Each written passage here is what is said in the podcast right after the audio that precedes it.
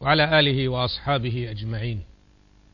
نسأل الله عز وجل أن يتقبل من الحجاج حجهم وأعمالهم.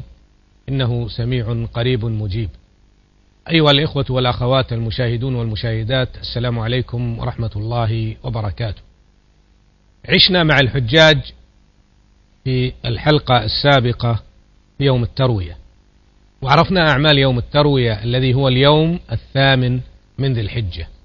الحجاج الآن في منى في اليوم الثامن من السنة أن يبيتوا ليلة التاسع بمنى. أن يبيتوا ليلة التاسع بمنى يعني ليلة يوم عرفة أن يناموا في منى. هذا هو أو هذه هي السنة. إذا لم يستطع الحاج أن يبيت فالحمد لله الأمر واسع. أو يريد أن يتقدم إلى عرفة فالأمر واسع لكن السنة التي فعل النبي صلى الله عليه وسلم أن يبيت بمنى ويصلي الفجر بمنى فإذا طلعت الشمس في اليوم التاسع يتوجه الحجاج جميعا إلى عرفة. يتوجهون إلى عرفة فيستقرون بعرفة ذلك اليوم. ماذا يعملون؟ يصلون الظهر والعصر جمعا وقصرا. في وقت الظهر في وقت الظهر. يصلون الظهر ركعتين ويصلون العصر ركعتين وقبلها يخطب الإمام خطبة يبين فيها للحجاج, للحجاج ما يجب عليهم من أعمال الحج وما يجب عليهم تجاه دينهم وما يجب عليهم تجاه مسؤولياتهم وحينئذ بعد الصلاة يتفرغ الحجاج في هذا اليوم العظيم. هذا اليوم العظيم أفضل أيام السنة على الإطلاق منحة من الله سبحانه وتعالى. هنا الشيطان يصغر يصغر يصغر ما رؤي الشيطان أصغر ولا أحقر منه في ذلك اليوم. لماذا؟ لما يرى من نعمة الله سبحانه وتعالى على عباده المؤمنين في هذا اليوم العظيم لما يرى من مغفرة ذنوبهم لما يرى من من من تكفير سيئاتهم.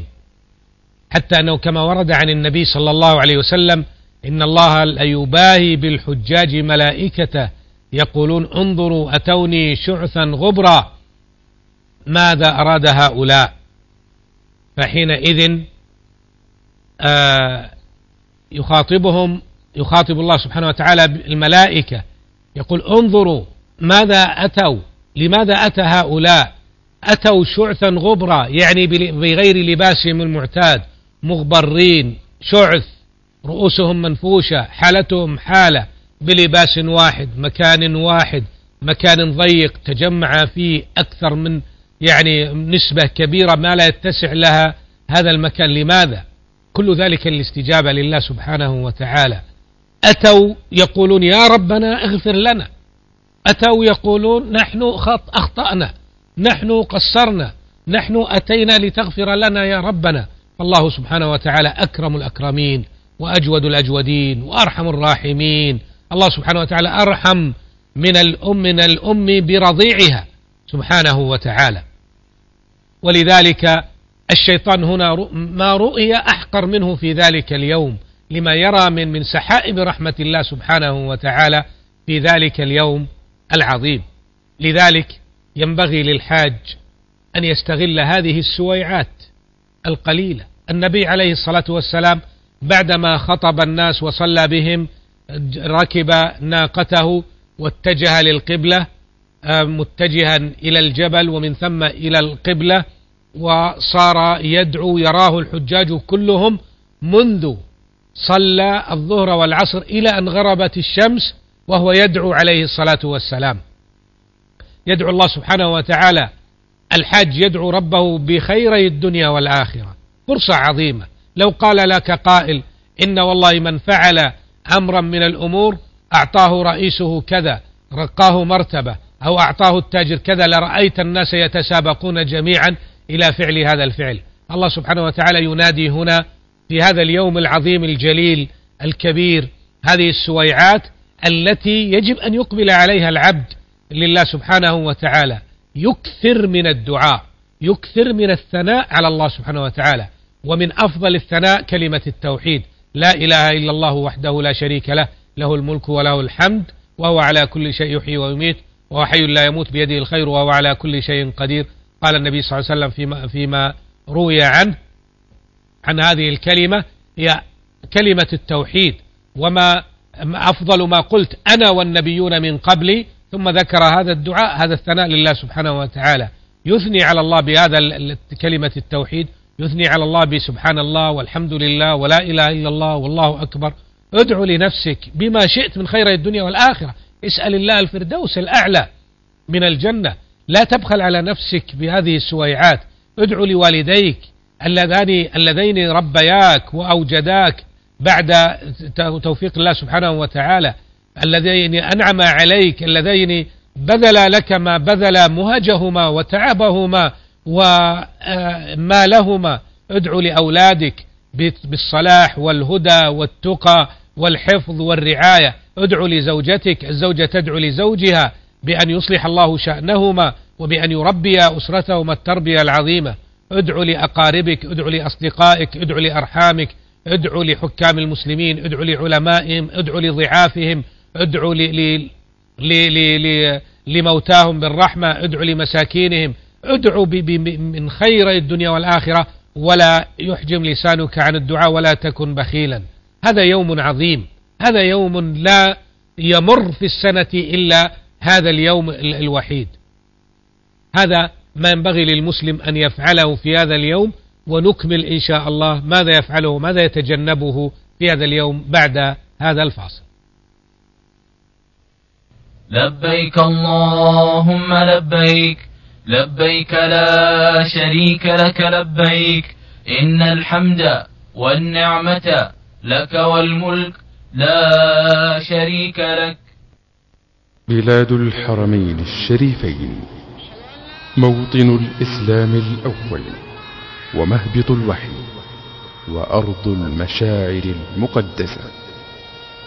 من هذه الأرض بعث الله محمدا نبيا وهاديا ورحمة للعالمين. وما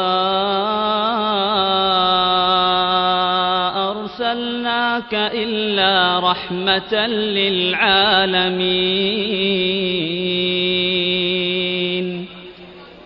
أمة الوسط خير أمة أخرجت للناس. وكذلك جعلناكم أمة وسطا.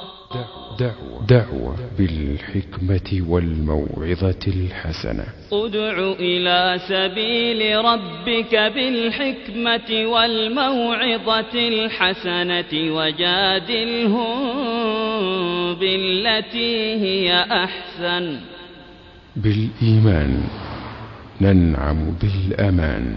الذين آمنوا ولم يلبسوا إيمانهم بظلم أولئك لهم الأمن وهم مهتدون.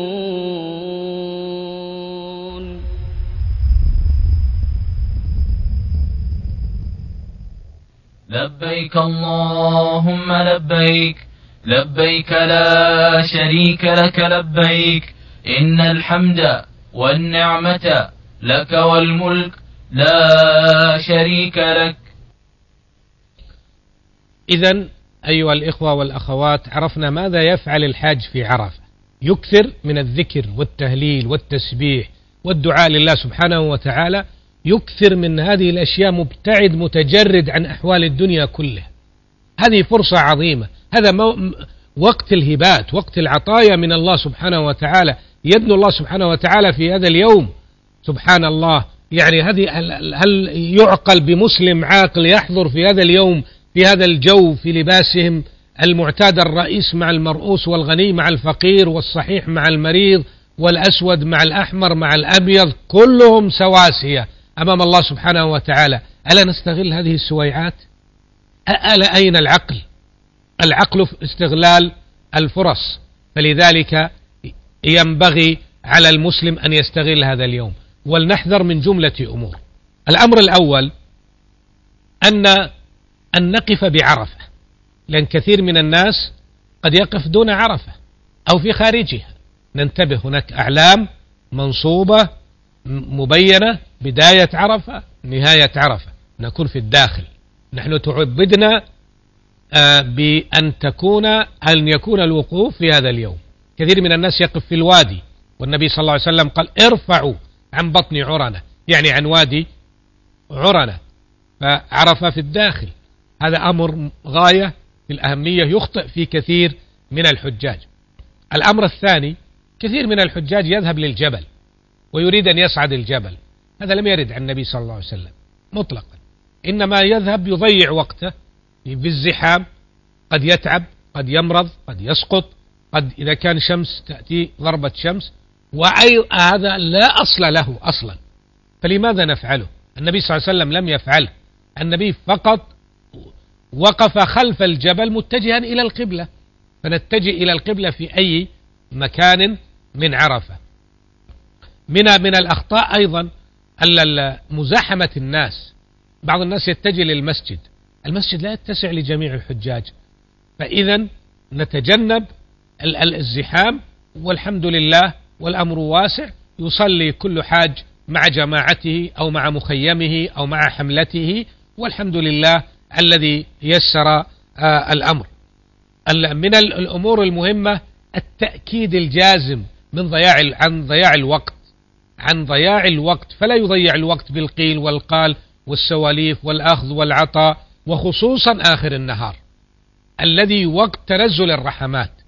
فلا يضيع الوقت بقيل وقال ونحو ذلك من مضيعة الوقت. فيكثر العبد في استغلال هذه السويعات في آخر النهار يلجأ إلى الله سبحانه وتعالى بكليته بعمق ما يتجه إليه فيه. لنعلم أن هذا اليوم العظيم يوم عرفة لذلك قال النبي صلى الله عليه وسلم في الحج عرفة. أعظم ركن في الحج يوم عرفة.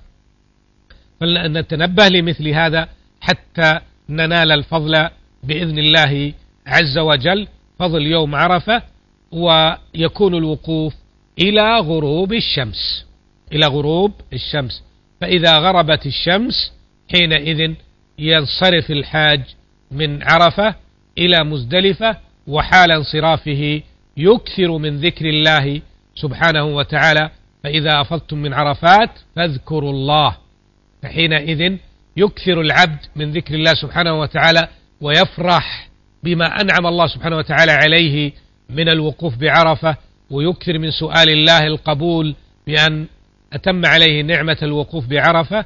فيسأل الله أن يتقبل منه هذا العمل الجليل ومن ثم يتجه إلى مزدلفة بكل سكينة وهدوء وطمأنينة ووقار ولا يشغل نفسه بأحوال الناس وأحوال الحجاج وقد بعض الناس يكون عنده شيء من رفع مستوى الانفعال فيهدأ فالحج مدرسة عظيمة تعلم أشياء كثيرة.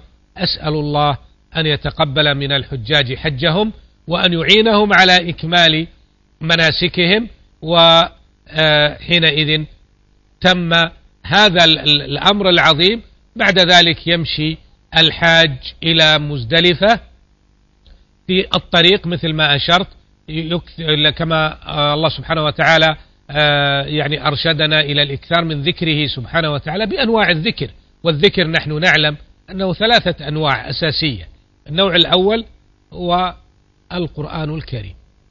هو القرآن الكريم وهو أعلى الأذكار.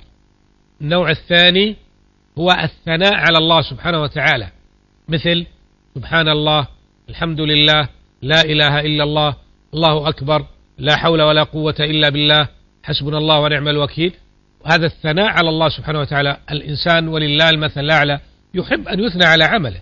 لكن الله سبحانه وتعالى طلب من العبد أن يثني عليه فله الحمد كله وله الشكر كله. سبحانه وتعالى هذا النوع الثاني من الذكر. النوع الثالث الدعاء. والدعاء هو ذكر الله سبحانه وتعالى لأنك تسأل المولى جل وعلا بما عنده من خيري الدنيا والآخرة. مثل ما أشرنا في قبل قليل في ماذا تدعو في يوم عرفة تكثر من الدعاء كذلك في الطريق. إن شئت أقرأ قرآن إن شئت أكثر من التلبية إن شئت أكثر من هذه الأذكار إن شئت أكثر من الدعاء. المهم أن تستغل هذا الوقت بما أعطاك الله سبحانه وتعالى وترجو في نفسك أن الله سبحانه وتعالى يتقبل ما عملت ويعفو عما أخطأت وزللت ونسير مع الحاج إلى أن نصل مزدلفة إن شاء الله ويكون التفصيل فيها في الحلقة القادمة إن شاء الله. أسأل الله جل وعلا أن يتقبل من الجميع وأن يعلي درجاتهم وأن يغفر ذنوبهم إنه ولي ذلك والقادر عليه. وصلى الله وسلم وبارك على نبينا محمد والسلام عليكم ورحمة الله وبركاته. لبيك اللهم لبيك لبيك لا شريك لك لبيك إن الحمد والنعمة لك وال